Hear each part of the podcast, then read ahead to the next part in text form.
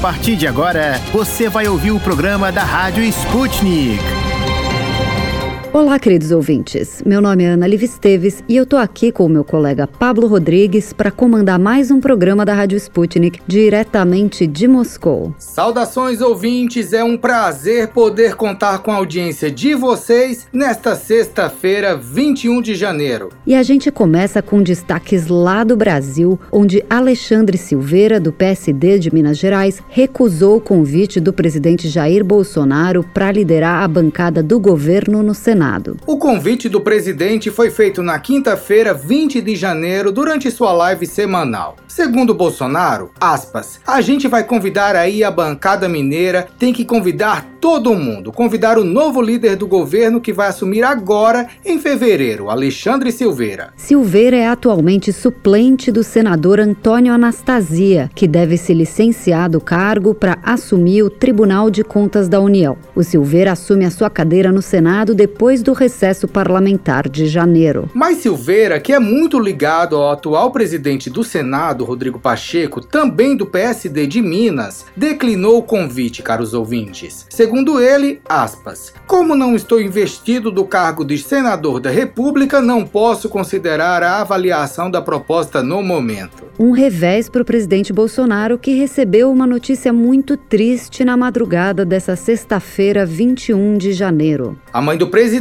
Olinda Bolsonaro, de 94 anos, infelizmente faleceu depois de um período internada no Hospital São João, no interior de São Paulo. O Bolsonaro lamentou a perda na sua conta no Twitter, escrevendo que aspas, com pesar o passamento da minha querida mãe, que Deus a acolha com sua infinita bondade. A redação da Sputnik Brasil lamenta a morte da mãe do presidente e oferece suas condolências. Nos destaques internacionais, o ministro das Relações Exteriores da Rússia, o Sergei Lavrov, e o secretário de Estado dos Estados Unidos, o Antony Blinken, se reuniram hoje em Genebra, na Suíça, para debater as garantias de segurança solicitadas por Moscou. De acordo com Blinken, Estados Unidos e Rússia concordaram em manter o diálogo sobre as propostas colocadas pela Rússia, de acordo com os documentos enviados por Moscou a Washington. Ele disse que, aspas, acordamos hoje que vamos compartilhar por escrito as nossas ideias na semana que vem, nossa resposta às preocupações levantadas pela Rússia e as preocupações que nós temos. Blinken ainda disse que as conversas devem continuar pelo menos no nível de ministros das relações exteriores. Ele disse acreditar que os países estão, aspas, caminhando claramente para um entendimento. Diplomacia entre as duas potências militares segue intensa, caros ouvintes. Mas vamos lá ver o que mais nós preparamos para vocês no programa de hoje. E no programa de hoje. O Destrinchando a Charada Brasil de hoje vai falar sobre a ampliação do transporte aquaviário.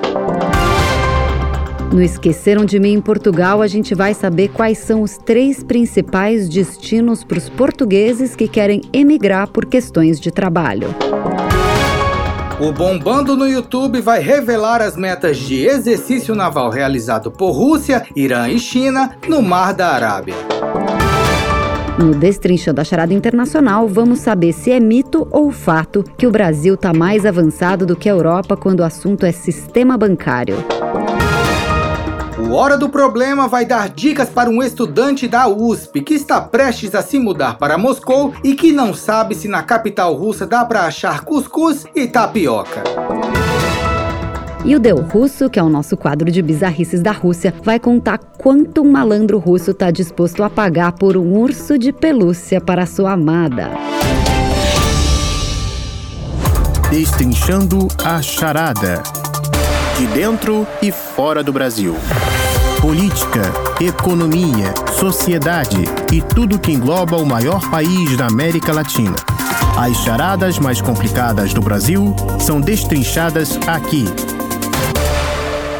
Olá, queridos ouvintes. No Destrinchando a Charada Brasil de hoje, a gente vai falar sobre a ampliação do transporte aquaviário no país. Verdade, Ana. Em dezembro, a Câmara aprovou um projeto que estimula a navegação entre portos nacionais, a chamada cabotagem. O objetivo, segundo a lei sancionada no início desse mês pelo presidente Jair Bolsonaro, é diminuir a dependência do Brasil do transporte rodoviário. Segundo o relatório executivo do Plano Nacional de Logística 2025, que analisa as projeções de demanda e a distribuição na rede de infraestrutura do Brasil, cerca de 65% do transporte de cargas do país passa por rodovias. A cabotagem, de acordo com especialistas, seria uma opção favorável, apesar de não ser muito bem-vinda para os caminhoneiros. Isso mesmo, Ana. Assim que a lei foi aprovada, os caminhoneiros se posicionaram contra, já que temem perder fretes para o setor de navegação. A Secretaria-Geral da Presidência garantiu que a lei da BR do Mar não vai implicar em perdas para os caminhoneiros. Ainda segundo o comunicado à imprensa, os serviços continuarão sendo necessários para transportar as mercadorias destinadas ou oriundas dos portos. Apesar de ser mais uma opção para o transporte de cargas, a nova modalidade pode sofrer drásticos impactos nos próximos anos. Isso porque uma pesquisa recente da Agência Nacional de Transportes Aquaviários mostrou que, de 21 portos brasileiros analisados, sete já possuem alto risco de serem afetados por tempestades. Com esses efeitos do aquecimento global, global, segundo o estudo, as maiores ameaças para o setor portuário estariam no aumento e agravamento da ocorrência de vendavais e tempestades que devem aumentar até 2050. E isso já é uma realidade em outros países. No ano passado, por exemplo, o tufão Infá fez com que portos localizados em setores estratégicos fossem fechados, o que causou transtornos e atraso no transporte de mercadorias na China. Segundo estudiosos, uma solução temporária seria aumentar a estrutura dos portos e melhorar a capacidade de monitoramento meteorológico. Como o setor marítimo é mais vulnerável a tempestades, ventanias, tufões e ciclones, dessa forma o risco de dano estrutural seria menor menor, colocando também menos vidas em risco. Para falar mais sobre esse tema e entender como ficaria a situação de transportes no Brasil, a gente convida o Marcos Nakagawa. Ele é coordenador do Centro ESPM de Desenvolvimento Socioambiental. Marcos, muito obrigada por falar com a Rádio Sputnik hoje.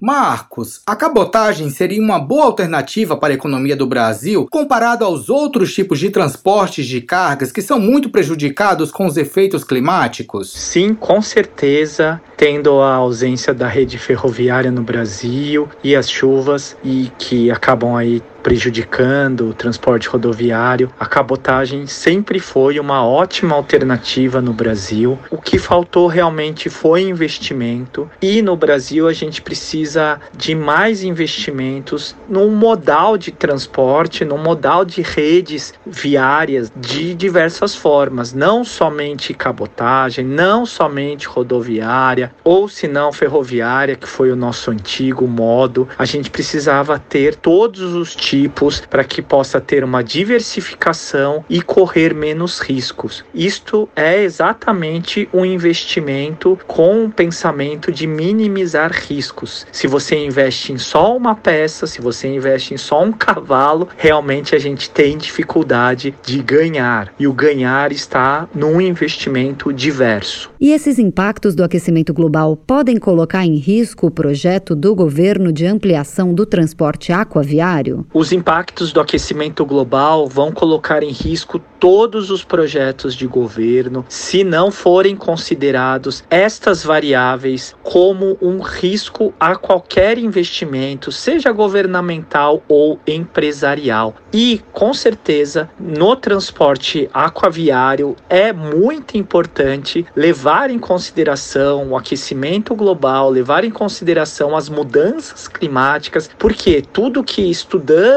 até hoje das nossos padrões climáticos, padrões de chuvas, padrões de todos os movimentos climáticos realmente estão mudando, por isso que chama mudanças climáticas. E aí precisamos sim colocar esse ponto nos riscos de investimento e colocar isso como um ponto a se cuidar e a ter mais do que riscos, pontos de melhoria ou de cuidado se caso for feito o investimento. Ou seja, pessoas especializadas, técnicos, é, cientistas que, junto com esse investimento, também façam aí as prospecções, os futuros, o olhar de que realmente precisa para que não seja um investimento como as várias tragédias que estamos vendo atualmente. O aumento do projeto no transporte aquaviário brasileiro é de fato algo acessível ou seria algo para ser visto a longo prazo? Todos os tipos de transporte são muito viáveis, principalmente no Brasil, que tem uma malha aí de rios, afluentes, que são muito interessantes e que, se bem cuidado, bem planejado, auditado, verificado, controlado, a gente sim consegue ter uma via muito bacana de transporte, desde que seja considerado as questões de impacto ambiental, as questões de futuro, porque estamos muito acostumados a pensar só no presente e sem pensar nesse futuro. Isso sim é sustentabilidade. Com mais da metade das cargas sendo transportadas por vias terrestres atualmente, os caminhoneiros seriam prejudicados pela cabotagem? O mercado basicamente se rearranja os caminhoneiros, num primeiro momento, podem ser prejudicados, mas precisamos evoluir e desenvolver não só os caminhoneiros contra as outras organizações, outros modais de transporte, para que sejam também desenvolvidas pessoas para poderem melhor atender esse nosso fluxo de transporte. De novo, a gente não pode ficar dependente somente de um modo de transporte nesse país continental, a gente precisa desenvolver, criar novas metodologias, novas formas para, junto com a inovação e a nova tecnologia, a gente caminhar sempre adiante para o melhor desenvolvimento do país, para o melhor desenvolvimento econômico, social e ambiental do país. Com pelo menos 21 portos brasileiros tendo alto risco de serem afetados por tempestades, segundo uma pesquisa, me diz uma coisa, Marcos ampliar esse tipo de transporte no Brasil seria algo arriscado? O tipo de transporte no Brasil precisa ser ampliado Precisamos ter novas formas de transporte. Se o Brasil quer um crescimento econômico, quer um desenvolvimento social, quer realmente cuidar do meio ambiente, a gente precisa fazer esse crescimento de uma forma técnica, científica, inteligível e que busque aí um retorno para todos. O grande problema é quando e qualquer tipo de investimento, a gente sempre tem os riscos. E esses riscos precisam ser avaliados por meio meio de técnicos, especialistas, cientistas, para que isso tenha um grande problema. Com certeza, o aquecimento global, as mudanças climáticas que estão acontecendo, deixam um pouco mais de margem a riscos para as questões de chuvas, para as questões de enchentes, para todas essas mudanças. Porém, com muito estudo e tecnologia, a gente consegue sim ter aí soluções para esses problemas que possam vir a acontecer. A ocorrência de eventos climáticos seria um motivo de preocupação para o setor aquaviário? A ocorrência de eventos climáticos preocupa todos os setores, não é só esse setor de transportes de todos os tipos. É uma questão aí que os grandes CEOs em várias pesquisas colocam como um dos pontos de atenção. Mundialmente vem sendo falado sobre essa temática no Fórum Econômico Mundial. Lá na ONU, ou seja, isso não é novidade para ninguém. O que precisa é ter especialistas, pessoas aí que entendam dessas temáticas para poderem orientar, para poderem adaptar os projetos, os investimentos e que tenham menos risco para esse processo.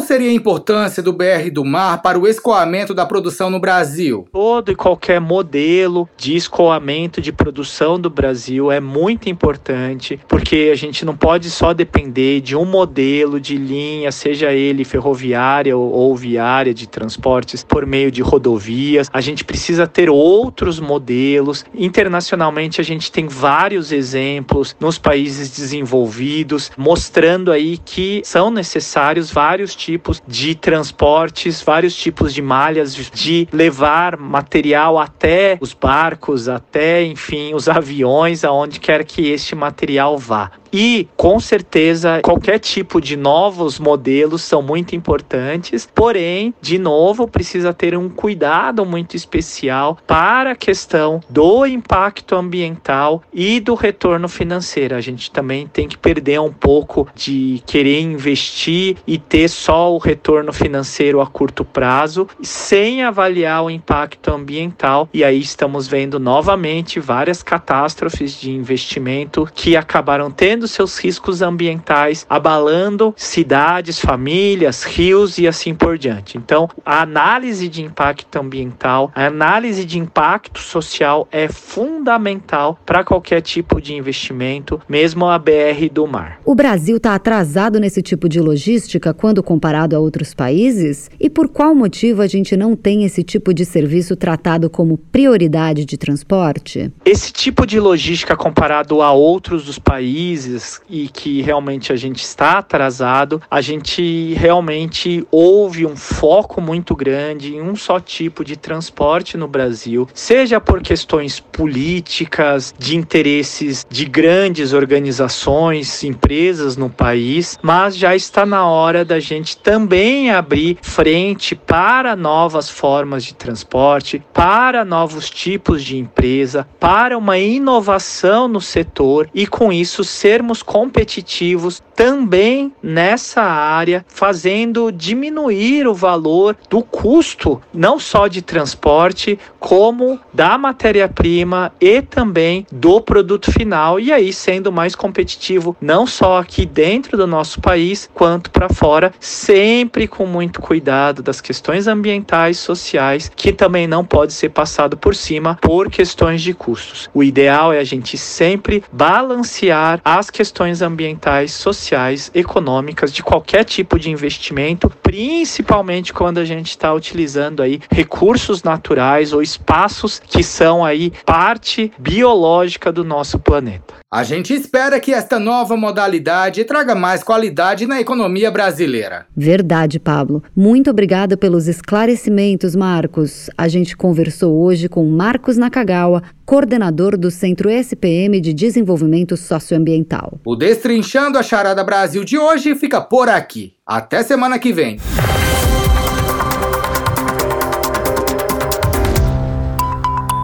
Para ficar por dentro de todas as novidades, tanto mundiais como brasileiras, se inscreva no nosso canal do Telegram. É muito simples. É só você escrever Sputnik Brasil na busca do Telegram e se inscrever para receber as notificações. Esqueceram de mim em Portugal. Senhoras e senhores passageiros, apertem os cintos de segurança porque estamos prestes a decolar rumo a Portugal. A tripulação Sputnik Brasil deseja a todos uma ótima viagem. Vamos direto para as notícias de Portugal e Europa com a nossa correspondente Luísa Ramos. Nesta sexta-feira, dia 21 de janeiro, vamos saber informações sobre portugueses que migraram por motivo de trabalho. Não é isso mesmo, Luísa? Olá, Pablo e Ana. Olá, ouvintes da Sputnik. É isso sim, Pablo. É que Portugal está no top 3 dos países europeus cujos cidadãos mais emigram por questões de trabalho. Nesse ranking, os portugueses só perdem para os cidadãos da Romênia e da Croácia, que são os mais móveis da União Europeia, segundo a pesquisa do provedor de estatísticas europeu Eurostat, que foi publicada no site schengenvisainfo.com. O deslocamento considerado foi de mudanças para outros Estados-membros por motivos de trabalho. Ficou constatado que um quinto dos romenos, nacionalidade que encabeça a lista, migram de seu país para trabalhar dentro da União Europeia. São exatamente 18,6% da população em idade de trabalhar que opta por deixar a Romênia. A segunda nacionalidade com maior mobilidade dentro da UE e que estão em outros países são os croatas, com 17,6% da população fora de sua terra natal. Portugal vem, portanto, no terceiro lugar, de acordo com o Eurostat, como um dos países cuja população mais se desloca por motivos de trabalho. São 10,6% dos portugueses que emigraram para outros países europeus por conta disso. Coladinho com Portugal, equivale o destaque está a Bulgária, com 10,3%, fechando aí as quatro nacionalidades com mais deslocamento dentro do espaço de Schengen. No outro extremo do ranking, aqueles que preferem não se mudar de seus países por empregos melhores, estão os nacionais da Alemanha e da Suécia, países onde também é observado um dos maiores salários mínimos da União Europeia. Por lá, menos de 1% dos residentes optam por qualquer outro Estado membro do bloco. Embora o número total de cidadãos móveis da União Europeia tenha caído para 3,3%, cerca de 0,9% menos do que em 2010, os grupos nacionais mais numerosos de cidadãos móveis da UE com idades compreendidas entre os 20 e os 64 anos aumentaram individualmente. 2,3 milhões de pessoas em idade ativa vieram da Romênia, mais de um milhão da Itália e da Polônia cada e quase 680 mil pessoas de Portugal. Em geral, considerando dados estatísticos da última década, são os romenos que continuam a ser a nação mais móvel dentro do bloco europeu. Além disso, o número de cidadãos móveis croatas aumentou 7,6%, seguido pelos romenos, que também obtiveram um aumento de 7,1%. A parcela correspondente dos cidadãos finlandeses móveis da população residente total da Finlândia caiu de 2,2% para 1,5% em 2020, o que marca o declínio mais perceptível no bloco de 27 países. Esses valores de queda variam entre 0,8% na Alemanha e 2,8% na Itália, com a exceção de Portugal, onde as taxas se situam em 10,6% e permanecem. Seguimos acompanhando as notícias de Portugal e da Europa por aqui no nosso quadro Esqueceram de Mim em Portugal. Um abraço, queridos ouvintes, e um ótimo fim de semana a todos. Até semana que vem. Interessante esse cenário europeu, Luísa. Falando de Brasil, brasileiros agora, no ano de 2020, o Itamaraty divulgou que o número de brasileiros no exterior bateu 4 milhões e 200 mil. O que representa um aumento significativo, né? Em comparação aos dados anteriores de 2018, o aumento é de 16%. Em 10 anos, o número de brasileiros morando mundo afora cresceu 36%. Nós, brasileiros imigrantes, fazemos parte desse número. É um mundão com espaço para várias experiências e a gente vai seguir explorando por aí. Obrigado, Luísa. Um ótimo fim de semana para você, que também é parte desta estatística, não é mesmo? Até segunda-feira. Bombando no YouTube. Curtidas e mais curtidas da Rússia ao Brasil. Confira com a Rádio Sputnik os vídeos que receberam mais likes e visualizações e estão no topo do YouTube. E fique por dentro do que está sendo filmado por amadores ou profissionais pelo mundo afora.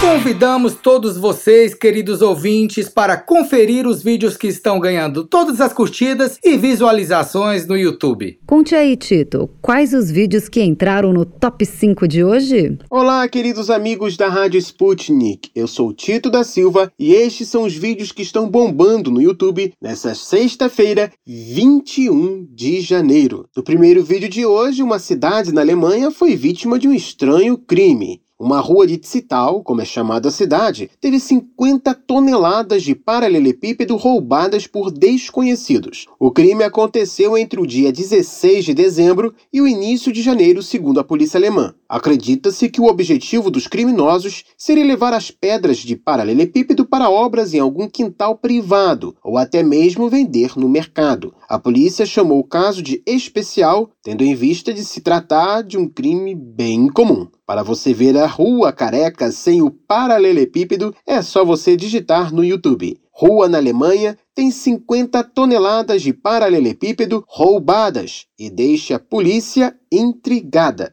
No segundo vídeo de hoje, Rússia, Irã e China uniram suas forças mais uma vez em um exercício naval realizado no Mar da Arábia. 14 embarcações de tipos diferentes dos três países foram inclusas no exercício que simulou operações de salvamento e também combate a piratas no alto mar. A ação se dá enquanto a região do Golfo de Omã, por vezes, é alvo de ação de piratas que sequestram navios em troca de dinheiro. O exercício conjunto seria uma ação mais coordenada entre os países para o combate ao crime em uma das regiões de maior importância para a navegação mundial, tendo em vista que o Golfo de Omã é uma das rotas de passagem de vários petroleiros no mundo. Para assistir ao vídeo, digite assim: Rússia, China e Irã se unem em exercício contra pirataria no Mar da Arábia. No terceiro vídeo de hoje, os Estados Unidos estariam com pressa de enviar caças F-16 modernizados para Taiwan, enquanto a ilha possui relações cada vez mais tensas com a China.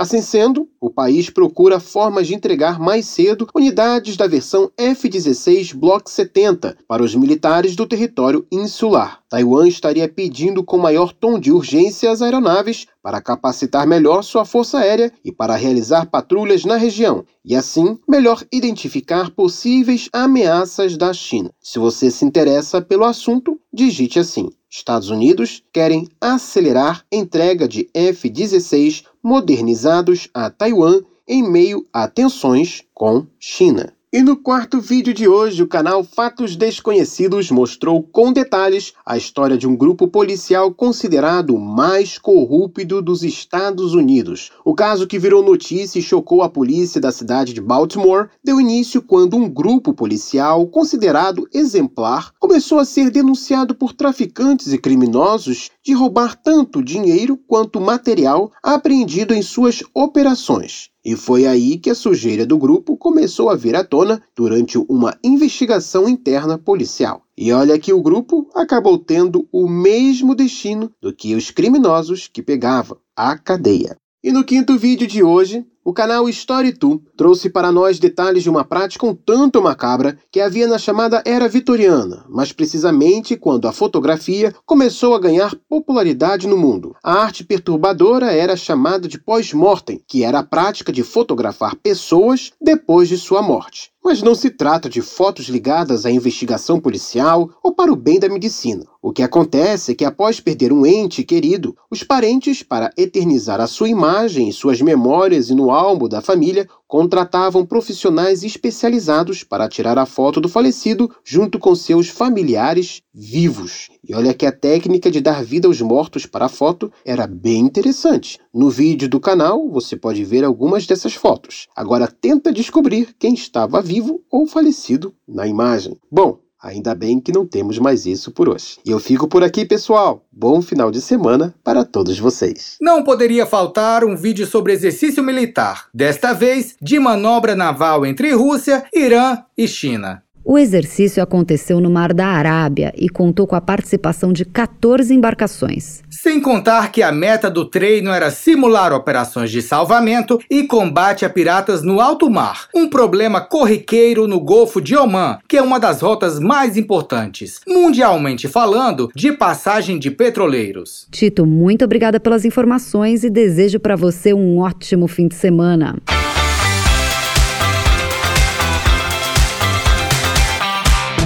Os vídeos mais esperados estão disponíveis no nosso canal no YouTube. Para encontrá-lo é fácil.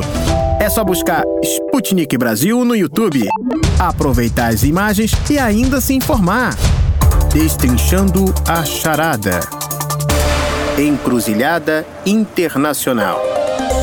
Relações políticas, socioeconômicas e muito mais entre as nações deste mundão da Rússia aos Estados Unidos. Encontre com a gente as respostas às perguntas do momento. Estimados ouvintes, em decorrência do rápido crescimento das contas digitais e outras tecnologias bancárias no Brasil registrado nos últimos anos, vamos fazer comparações aqui na nossa entrevista internacional com o sistema bancário europeu, que parece estar atrás do brasileiro em termos de modernidade. Brasileiros que vivem em países europeus costumam relatar a modernidade do Brasil no setor bancário. Vamos saber os principais fatores que contribuem para esse processo e se é impressão nossa ou realmente o Brasil está mais à frente do chamado primeiro mundo quando o assunto é internet banking. Em números recentes, no período entre 2018 e 2020, as contas exclusivamente digitais cresceram 73% no país. A digitalização brasileira cresceu também em outros setores, reforçada pela pandemia nos últimos dois anos. Para a gente falar dos sistemas bancários e suas evoluções, convidamos Carlos Gottenauer, que é mestre mestre doutorando em Direito pela UNB e cursa mestrado na London School of Economics na área de regulação do sistema financeiro. Seja muito bem-vindo, Carlos Gottenauer. É um prazer tê-lo conosco nesta sexta-feira, 21 de janeiro. Bom, Carlos, para começar, a que se deve este elevado crescimento da digitalização bancária no Brasil? A gente pode dizer que são três motivos que levaram ao crescimento de contas digitais no Brasil nesse período. Primeiro, a difusão de aparelhos celulares nos últimos anos, né, que popularizou bastante o acesso à internet. O sistema bancário brasileiro ele já é bastante digital há bastante tempo, tem um volume muito grande de operações em meio eletrônico. O que a gente tem visto nos últimos anos, no entanto, é que essas operações migraram do internet internet banking que você normalmente faz aí em desktop ou em notebook para aparelhos celulares. Né? Junto com isso, com essa migração para os aparelhos celulares, vem o que a gente costuma falar de convergência digital. Né? A mesma medida que a pessoa tem a conta ali no aparelho, ela também faz pagamentos de compras que ela faz no aparelho também. Então acaba que aquele aparelho, o aplicativo presta o serviço de pagamento, isso tudo funciona junto dentro do mesmo aparelho celular. Né? Um outro motivo do crescimento nesse período aí que a gente gente não pode deixar de levar em conta é a própria pandemia, né, que acelerou ainda mais o uso de operações bancárias em meio eletrônico como um todo, porque houve um crescimento muito grande de transações em meio eletrônico como um todo, não só no sistema financeiro. E um terceiro fator, que é um dos mais importantes aí, é que o Banco Central vem alterado bastante a regulação nos últimos cinco anos, se tornou muito mais receptivo a abertura de contas digitais como um todo, ele flexibilizou requisitos de abertura de contas, então tudo isso contribui para o aumento dessas contas digitais. Carlos, a gente pode dizer que o Brasil está na vanguarda mundial quando o assunto é sistema bancário? Qual o panorama histórico que favoreceu esse destaque? O Brasil é referência, sim, no uso de tecnologia no sistema eletrônico há bastante tempo e por muitos motivos aí. Já é uma coisa que acontece desde os anos 80, começa final dos anos 70 início dos anos 80, já com a reserva de mercado que forçou os bancos a investirem no setor de tecnologia. Na época da reserva de mercado era praticamente impossível importar computadores, isso fez com que os bancos investissem diretamente em tecnologia. E desde então esse processo foi gradual, mas sempre constante de investimento. Né? Outro fator que a gente tem que favorece bastante é que os bancos no Brasil eles são relativamente bastante lucrativos. Né? Então, a margem para reinvestimento em tecnologia, se você trabalha com margens de lucro mais estreitas, menores, fica muito difícil fazer investimento. Né? E no Brasil a gente já tinha essa tendência das margens mais folgadas que permitiram investimento no parque tecnológico do setor financeiro. Né? E tem outros muitos fatores aí de que contribuem para que o Brasil seja um país de vanguarda no sistema bancário, né? Mas cada país tem suas particularidades. Existem outros mercados também que têm bastante protagonismo aí de investimento em tecnologia no setor financeiro. Quando a gente pensa em China e alguns outros países da Ásia, há um grande destaque, principalmente na China, que os meios de pagamentos eletrônicos são muito difundidos, né? 95% da população, por exemplo, opera o Alipay, que é a plataforma de pagamentos do Alibaba. Né? Isso uma plataforma só. Carlos, há algum tipo de regulação de sistemas financeiros que dificulte mudanças e modernizações bancárias na Europa, como as observadas no Brasil? Sim, o mercado europeu é muito heterogêneo e difuso. Né? Você tem um Banco Central Europeu e tem também uma autoridade bancária europeia, que é a EBA, EBA, ou EBA, que o nome é em inglês, European Bank Authority, que tem alguns papéis aí na política monetária e também alguma coisa de regulação, mas a supervisão das instituições bancárias é de competência das autoridades de cada país. Isso faz com que o mercado seja muito heterogêneo, que a regulação seja muito heterogênea. E quando existe alguma iniciativa normativa aí mais ampla, como foi a diretriz de pagamento de 2015, ela precisa ser internalizada pelos Estados-membros. Né? Isso sempre torna o processo mais difícil. Mas isso não quer dizer que não existam iniciativas que promovam mudanças bancárias da União Europeia. Né? A própria segunda diretriz de serviços de pagamento, que é a PSD2, que é de 2015, foi inovadora já. Ela propunha a existência de interoperabilidade entre os arranjos de pagamentos. Né? E a União Europeia tem trabalhado para criar uma união bancária, que colocaria todas as instituições financeiras da União Europeia sob a supervisão de uma autoridade única. E se você conseguir fazer isso, a implementação de mudanças regulatórias se torna muito mais fácil e muito mais abrangente, porque você alcança o território inteiro de uma vez só. O PIX sistema de pagamentos instantâneos do Banco Central já é usado por 71% dos brasileiros, caros ouvintes, com aprovação em crescimento, segundo dados de dezembro do radar Febraban, em pesquisa feita para a Federação Brasileira de Bancos. Mas esse tipo de pagamento interbancário de forma instantânea é ainda algo raro em países europeus, não é mesmo? Inclusive, alguns bancos podem cobrar taxas para que as transferências sejam feitas na hora, mesmo quando a transferência é entre usuários do mesmo banco. Verdade. Considerando isso, por que o Brasil avançou nesse tipo de serviço e a Europa parece seguir a passos lentos, Carlos? Não tem uma explicação muito fácil isso, né? São cenários muito diferentes. O que a gente pode falar que com certeza é que o sistema bancário é um setor econômico muito regulado. Então, tudo que acontece no sistema bancário, um reflexo muito direto da iniciativa da autoridade reguladora. Né? O sistema de pagamentos instantâneos, como um todo, o próprio Pix, é emblemático sobre como a implementação desse tipo de mudança estrutural depende da iniciativa estatal. O Banco Central do Brasil, durante alguns anos, ele procurou implementar um sistema de pagamentos instantâneo buscando os agentes de mercado. Ele lançava a proposta de implementação desse sistema instantâneo para que os agentes de mercado criassem esse sistema instantâneo de pagamentos. E o que aconteceu ao longo desse tempo foi que os agentes eles têm interesses muitas vezes divergentes, às vezes muito particulares, mesmo considerando aí que a gente tem cinco grandes bancos no Brasil, mas tem um mercado de instituições de pagamento também muito grande. Esses agentes acabaram não criando esse sistema que o Bacen pretendia, né? Então o que, que o Banco Central do Brasil fez? Ele foi, ele mesmo implementou o sistema de pagamentos instantâneo de forma centralizada, como ele participando, como, vamos dizer, o, o dono do arranjo de pagamento, e ele utiliza o poder de autoridade reguladora dele para forçar as instituições a se integrarem esse sistema de pagamentos. Então a diferença fundamental que a gente tem aí nesse cenário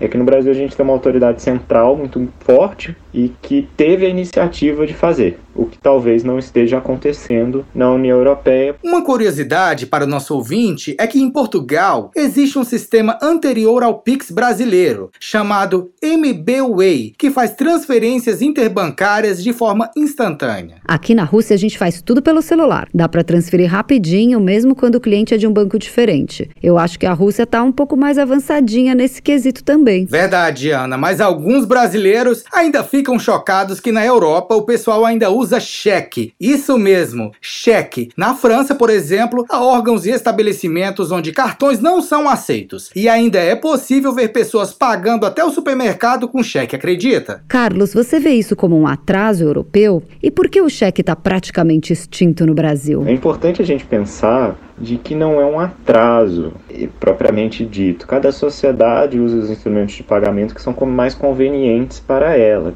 E cada usuário faz isso e como uma coletividade, cada sociedade vai escolher os instrumentos de pagamento que são mais convenientes para ela. Se os cheques se perpetuam na Europa, é porque os outros arranjos de pagamento ainda não alcançaram a conveniência que o público deseja, né? E por que no Brasil isso aconteceu? Por que, que o cheque caiu em desuso no Brasil?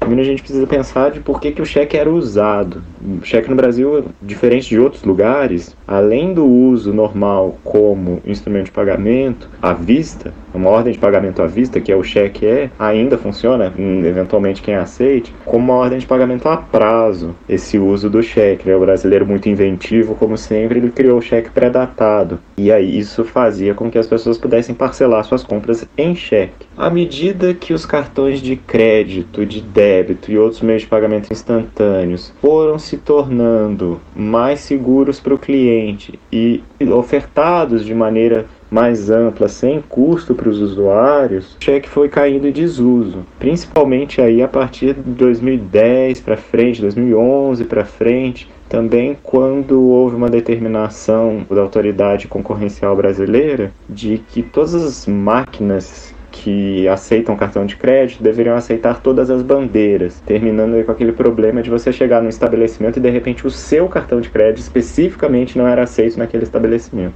Então é uma combinação de fatores que levou aí o desuso do cheque. Né? E também uma questão de, de confiabilidade, né? O, os meios digitais se tornaram mais confiáveis e além disso também mais baratos, né? Os, aí os meios eletrônicos de pagamento, especialmente cartão de crédito, cartão de débito, eles foram ofertados com ou custo muito baixo ou sem custo. Ah, o exemplo também do Pix, né, que não tem custo para o usuário final todos esses fatores aí convergem para que o cheque acabe caindo em desuso. Carlos, formas de pagamento e transações bancárias em geral mais modernas podem alcançar países europeus em breve? A chegada do sistema 5G pode apoiar alguma mudança no setor? Bom, sobre mudanças no sistema financeiro de pagamentos europeu. Elas certamente chegarão, é, é uma questão de tempo só. É difícil dizer quando, pelas questões que eu já coloquei de, de ser um mercado muito heterogêneo, né? Mas mesmo assim, já existe um esforço da União Europeia no sentido de implementar sistemas de pagamento mais abrangentes. E também muita coisa mudou depois do Covid. Eu acho que a gente está num momento de transição que a gente precisa esperar um pouquinho para ver o que vai acontecer. A pandemia realmente impulsionou muito o uso de pagamento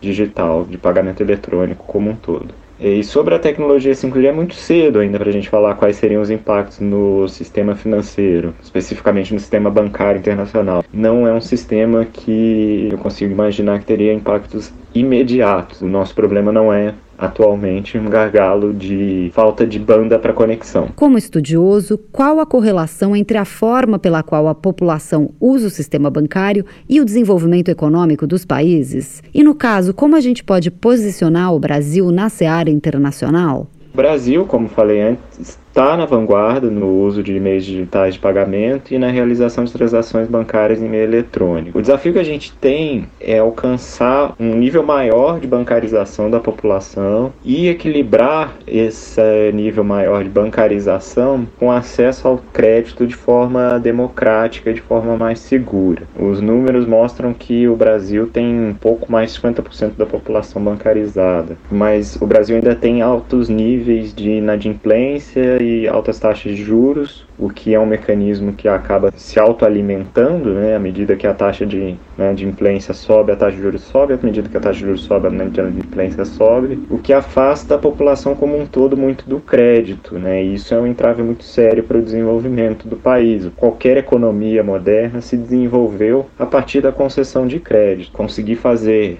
esse movimento de bancarização mais amplo com o acesso ao crédito equilibrado, acho que é um dos grandes desafios que a gente enfrenta. E o que vem por aí, Carlos? Qual é a próxima tendência que deve mudar as nossas vidas como usuários de bancos e que devemos acompanhar nos assuntos que dizem respeito às regulações financeiras e bancárias? No Brasil, acho que especificamente a gente tem que, eu sugiro que o público acompanhe aí o processo de implementação de Open Banking, que vai mudar a forma com que os clientes se relacionam com os bancos no geral. É, o Open Banking permite que você, como cliente, consiga encaminhar seus dados, cadastro e seus dados financeiros de um banco para outro. E o Brasil tem uma proposta bem ousada de Open Bank, aí, diferente de outros países, que eles chamam de Open Finance, que alcança inclusive dados que não são exclusivamente aí do sistema bancário, também dados de seguro, dados de previdência, dados de investimento. Então esse é um tema que realmente pode ser bem interessante para acompanhar. Globalmente, um tema que merece atenção também são as criptomoedas emitidas por bancos centrais. Né? Vamos dizer, uma versão estatal das criptomoedas aí,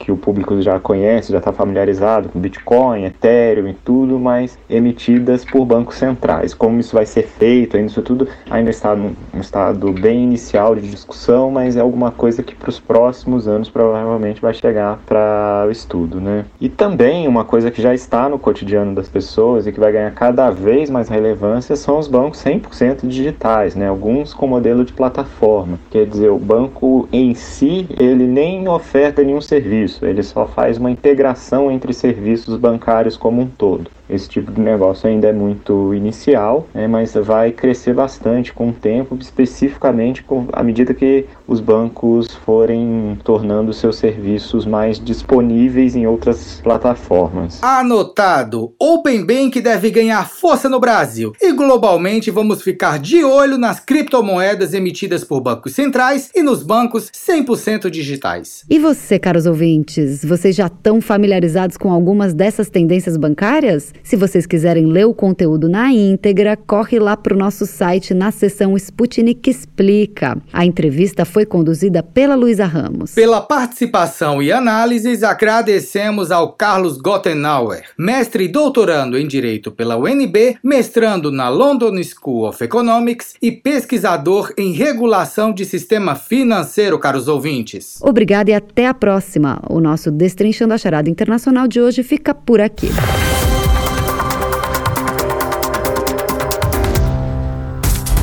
Hora do problema. Sabe aquela história que é melhor nem contar de tão complicada que é? Perrengue na Rússia, sufoco no Brasil e muito mais. Sente aí que lá vem história.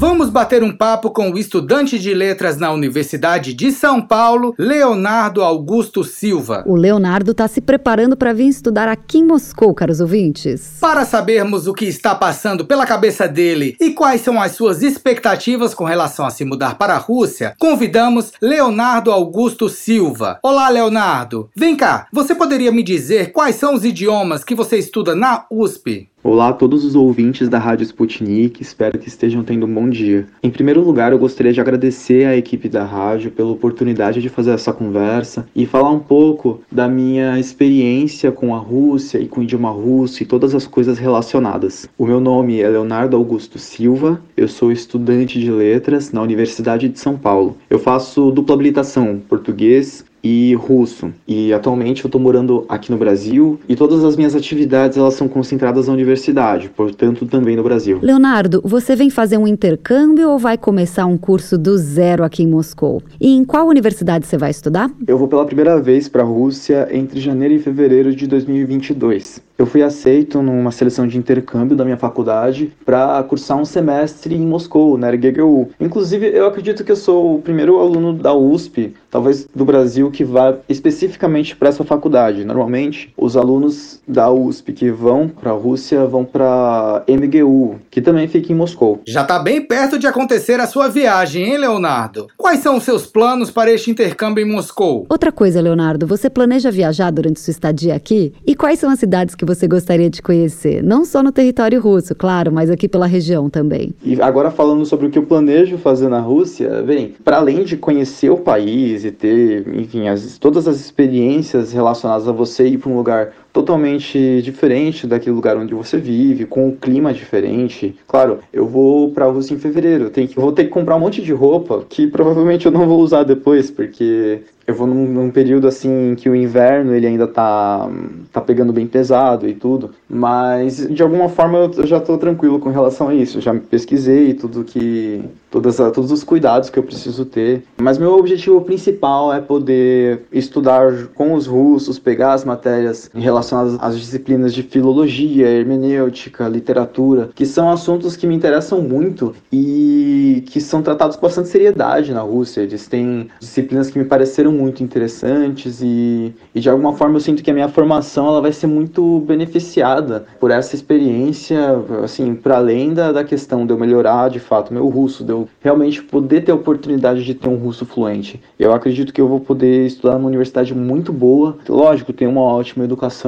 e aprendendo as coisas que eu gosto e com um ensino de qualidade. Eu acho que isso é, é o maior benefício que eu vou ter podendo visitar a Rússia. E é lógico que também vou estar perto das outras cidades, então eu vou poder, por exemplo, visitar Petersburg, outras cidades que eu gostaria de visitar, Ariol, Krasnodar. Eu tenho um sonho de ir para Odessa em algum momento e, tal, e se eu tiver oportunidade, provavelmente eu vou. Eu tô com umas expectativas muito otimistas, assim, tendo conseguido chegar na, na Rússia. Leonardo, a gente sabe que muitas coisas devem ser levadas em consideração: a moradia, transporte, alimentação. Falando em alimentação, quais são as suas expectativas para quando chegar chegar aqui em Moscou. Você já deu uma pesquisada nos alimentos que são mais comuns na Rússia? Uma coisa que eu posso pontuar em relação a essa questão e que eu pesquisei mais sobre é com relação à alimentação, porque de alguma forma assim eu, eu, tenho como expectativa de que talvez seja necessário que eu compre comida lá e prepare comida lá. E como é um lugar muito diferente, eu não posso, por exemplo, é, uma coisa que eu como muito no dia a dia é cuscuz e tapioca. E lá você simplesmente não encontra essas coisas. Então eu preciso encontrar outras alternativas que não sejam tão caras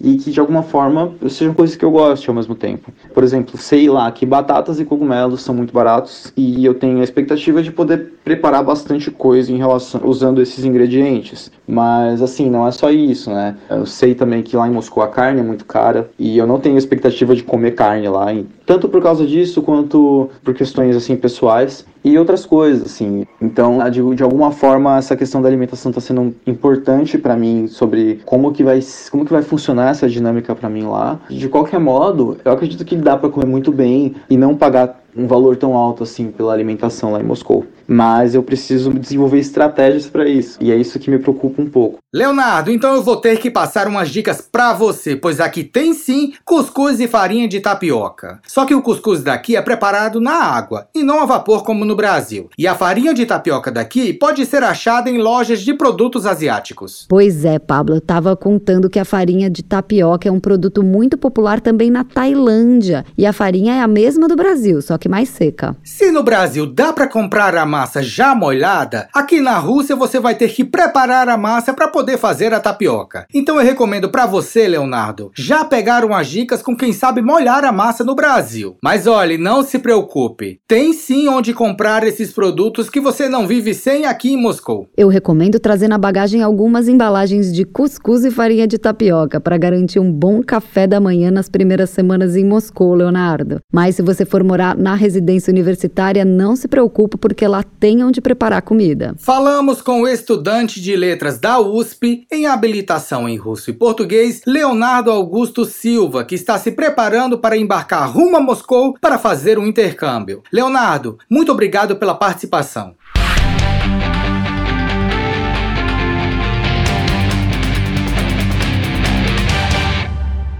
Está à procura de notícias com outros pontos de vista e posicionamentos? Curta nossa página no Facebook. É só digitar Sputnik Brasil na busca do Facebook e deixar sua curtida.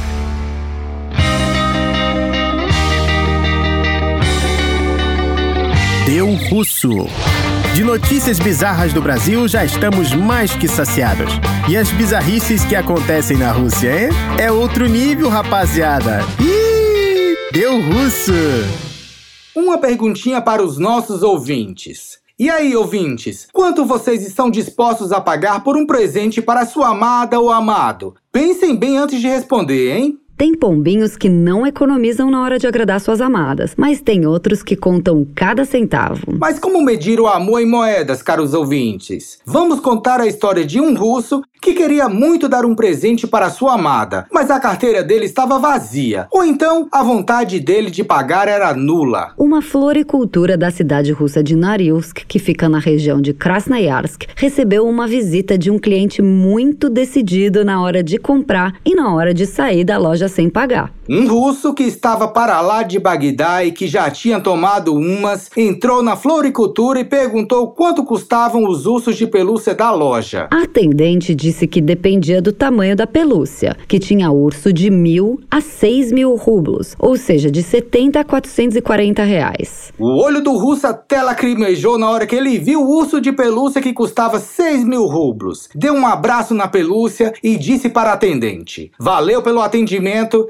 e até mais. A atendente ficou sem entender nada. Caros ouvintes, se por um lado o atendimento foi rápido, o que é o sonho de qualquer atendente, também não foi nada lucrativo, o que é o maior pesadelo de qualquer pessoa que trabalha com vendas. O russo saiu de lá de cara lavada e com o urso debaixo do braço. Na mesma hora, a atendente ligou para a polícia. Ela nem pensou em sair correndo atrás do cliente para pegar o urso de volta. Saiu da loja já não é responsabilidade da atendente, deve ter pensado funcionária dessa floricultura. A polícia chegou no estabelecimento, a atendente explicou tudo e a busca pelo fugitivo com urso de pelúcia foi iniciada. Primeiro, os policiais deram uma ronda pelo bairro. Vai lá que tinha um russo andando pelas ruas com uma pelúcia debaixo do braço, não é mesmo, ouvintes? Depois, os policiais que estavam procurando o fugitivo deram um comando a todos os outros colegas. E a pista era: tá andando com uma pelúcia gigantesca. Com a busca sendo executada pelos quatro cantos de Narilsk, o russo do urso de pelúcia acabou sendo achado no aeroporto da cidade. Acreditam, ouvintes? Pois é,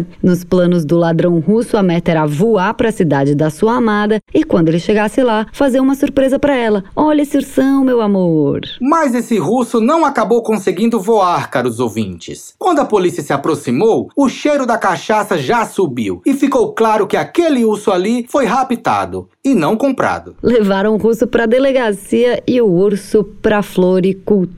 Só que eu acho que para vender esse urso de 440 reais vai ser preciso dar uma lavadinha nele antes, né? Porque o cheiro de cachaça não sai tão fácil assim da pelúcia. E por roubar o urso, esse russo pode pegar até quatro anos de cadeia, caros ouvintes. Vocês acham que é fácil ser romântico e fora da lei na Rússia? Nada disso.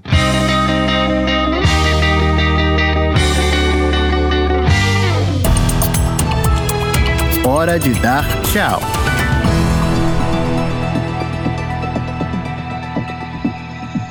O programa desta sexta-feira, 21 de janeiro, está chegando ao fim, estimados ouvintes. Muito obrigada pela audiência, caros ouvintes, e saibam que semana que vem a gente vai estar de volta com muitas entrevistas, novidades de Portugal, do YouTube e histórias que ligam o Brasil à Rússia. E não se esqueçam que a composição Soliloquy 8 para fagote solo do compositor mineiro Harry Crow e execução da fagotista Ariane Petri já pode ser conferida na íntegra no canal do Zenon Instituto Cultural no YouTube. Vamos ouvir um trechinho?